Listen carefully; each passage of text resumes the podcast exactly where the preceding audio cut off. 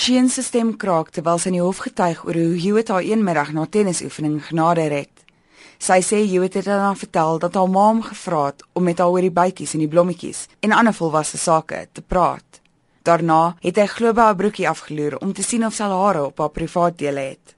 Sy beskryf 'n ander voorval wat plaasgevind het op 'n tennistoer in Amerika. Sy sê Hewitt het haar gebel om haar sakgeld in sy hotelkamer te kom haal. Toe sy in die kamer aankom, het hy kaal op die bed gelê met net 'n klein handdoekie bedek. Sy sê 'n aktetas vol geld het op sy heupe gerus. Hewitt se vrou was na bewering ook in die hotelkamer. In 'n ander voorval sê Shane dat Hewitt haar beveel het om haar onderklere uit te trek.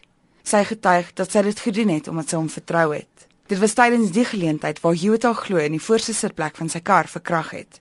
Op die punt het Shane baie emosioneel geraak en moes hy hof vir 15 minute verdaag. Terug in die getuienisbank het sy aan die hof vertel hoe Jota beveel het om haarself te gaan was. Sy sê sy onthou tot vandag die nattigheid tussen haar bene en 'n verskriklike reuk.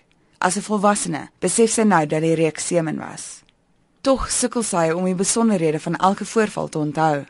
Germain Vogel van die groep Women and Men Against Child Abuse wat buite die hof betoog, sê dit is nie ongewoon vir slagoffers wat as kinders misbruik is nie.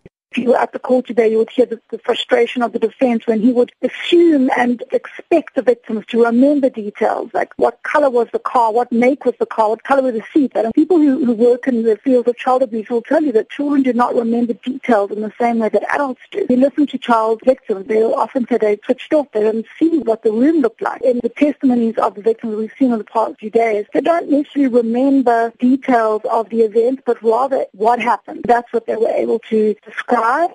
Die groep se Tanya Otto beskryf die saak as 'n mylpaal en is vol lof vir die manier wat regter Bergbam verseker dat die vrae aan die slagoffers relevant en pertinent bly. Ons is baie bly om te sien dat die regter so regverdig is en vinnig die verdediging stopsit wanneer hulle die getuies onder soveel druk sit. Dit is verdedigingsadvokate soos hierdie wat mense gaan keer om na vore te kom met wat met hulle gebeur het. Hulle hulle dryf die die getuie in so 'n hoek in dat hulle naderhand nie meer weet wat om te sê nie. In die Bob Hewitt saak hoop ons dat geregtigheid gaan geskied. Al het hierdie vieslike gebeurtenisse 20, 30 jaar terug plaasgevind, moet daar nou geregtigheid wees vir hierdie slagoffers. Die saak duur vandag voort. Ek's Germain Krige, Johannesburg.